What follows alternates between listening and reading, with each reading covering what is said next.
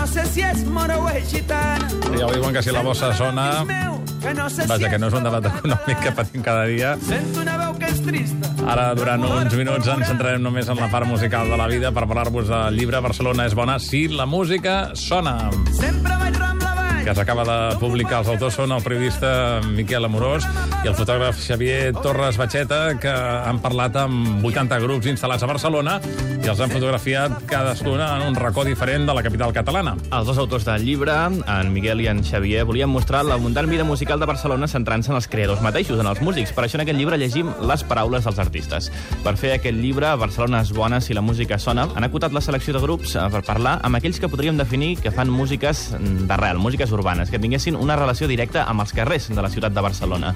Així que des de Ai Ai Ai fins a Zulu 930, en aquest llibre apareixen grups com la Trova Kung Fu, que ara estem sentint amb aquest tema que es diu Barcelona, o grups com De Callaus, Estopa, Fundació Antoni Manero, Gertrudis, La Pegatina, Los Fulanos, Los Manolos, Macaco, Muchachito, Manolo García, Paret o Sabor de Gràcia, entre molts altres. Cada formació ha escollit un racó diferent de la ciutat per fer-se aquestes fotos tan guapes que ha disparat en Xavier Torres, que van des de places o bars amb encant fins a la terminal de l'aeroport. I en cada pàgina, al costat de la foto, expliquen primer per què han escollit la localització i després s'autodefineixen eh, quina música consideren que fan, expliquen què significa per ells la música i ens confien un record o una anècdota de la seva trajectòria.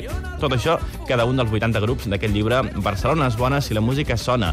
Un llibre que també busca respostes a preguntes com ara com s'entenen les diferents cultures que es troben en aquestes formacions o per què Barcelona atreu a músics de tot el món. Una de les possibles respostes ens la diu el Miguel Amorós. sobre todo la gente que, o grupos que tienen componentes que, que no son de Barcelona, que son pues o latinoamericanos o, o europeos o de todos sitios. Yo creo que les atrajo pues eh, como la época dorada de hace 10 años donde había mucha música en la calle, ¿no? O sea, no hay que olvidar que hay grupos que ahora son bastante famosos o conocidos como Macaco Ojos de Brujo, que por ejemplo Ojos de Brujo pues tuvieron un premio Grammy o Muchachito un infierno empezaron en las calles y todo esto pues hace 10 años estaba en plena eh, efervescencia, ¿no? Y yo creo que mucha gente pues vino un poco atraído por, por lo que se podía hacer en la calle, que ahora es muy difícil. Hay muchas reglas para poder tocar, los músicos tienen que sacarse una especie de, carnet, pero claro, también es lógico, ¿no? O sea, si hay muchos, mu- mucha gente que quiere tocar en la calle, es normal que el ayuntamiento pues eh, intente regula- regularizar esto. También que ha habido yo creo que mucha promiscuidad musical, ¿no? De hecho, hay, mu- hay 80 grupos, pero hay, hay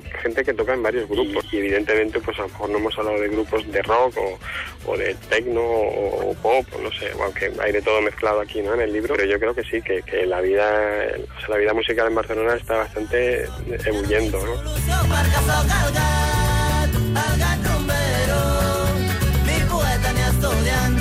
La pegatina el gat rombero i ens ha explicat en Miquel Amorós que aquest llibre té una segona funció molt clara, descobrir indrets de la ciutat de Barcelona. De fet, ell mateix ens ha assegurat que ha descobert carrers, restaurants o tavernes que mai abans havia trepitjat. Serveix també aquest llibre com a prova, segons ens ha dit el Miquel, una prova d'aquesta ebullició musical que ens comenta que és real i que també és real el relleu generacional. Ens ha insistit en Miquel que els grups que parlen en aquest llibre, a banda de queixar-se per problemes que hagin pogut tenir per tocar al carrer, també en cada entrevista proposen solucions alternatives, possibles sortides per a seguir tenint els carrers vius de música. I a banda de ser tan amable i donar-nos un exemplar del llibre per vosaltres, en Miquel ens demana que anem a les sales, que anem als concerts, que hi ha grups com la Pegatina, que ara sentim, que són la punta de llança, que tenen molt de poder de convocatòria i que és important que seguim així. Així que en recollim també aquesta crida nosaltres i us la llancem. Aneu als concerts. Nosaltres us ho diem cada dia. I si voleu aquest llibre de música i de fotos tan guapo, ja sabeu, només l'heu de demanar i mentre us ho penseu i us llanceu a les xarxes socials i als mails per demanar-lo, en Miguel ens confessa quina música està enganxat ara mateix i ens tria músiques del món.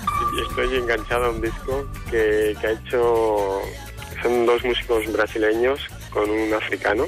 Los músicos brasileños es Arnaldo Antunes, pues justo con, con otro músico brasileño se llama Edgar Escandurra y con Tumani Diabaté, que es un músico africano que toca la cobra, un instrumento de cuerda, de emitir cuerdas. Y han hecho un disco conjunto que han grabado entre Brasil y, y que se llama A Curva da Cintura. Y es un disco, bueno, súper tranquilo, relajante y es increíble como suena. A música muda você, você muda mais alguém. Alguém muda outro alguém, que muda você também. Você muda a cada momento. Doncs ja sabeu, si voleu el llibre... Participa a facebook.com barra 5 minuts més o a 5 minuts més arroba icatfm.cat. I aquí estem sentint Arnaldo Antunes, Edgar Escandurra i Tomani Diabaté amb aquest disc conjunt a curva de cintura. Melhor. 8 i 32 minuts, als 5 minuts més, amb més coses. Desperta't cada dia amb ICAT FM.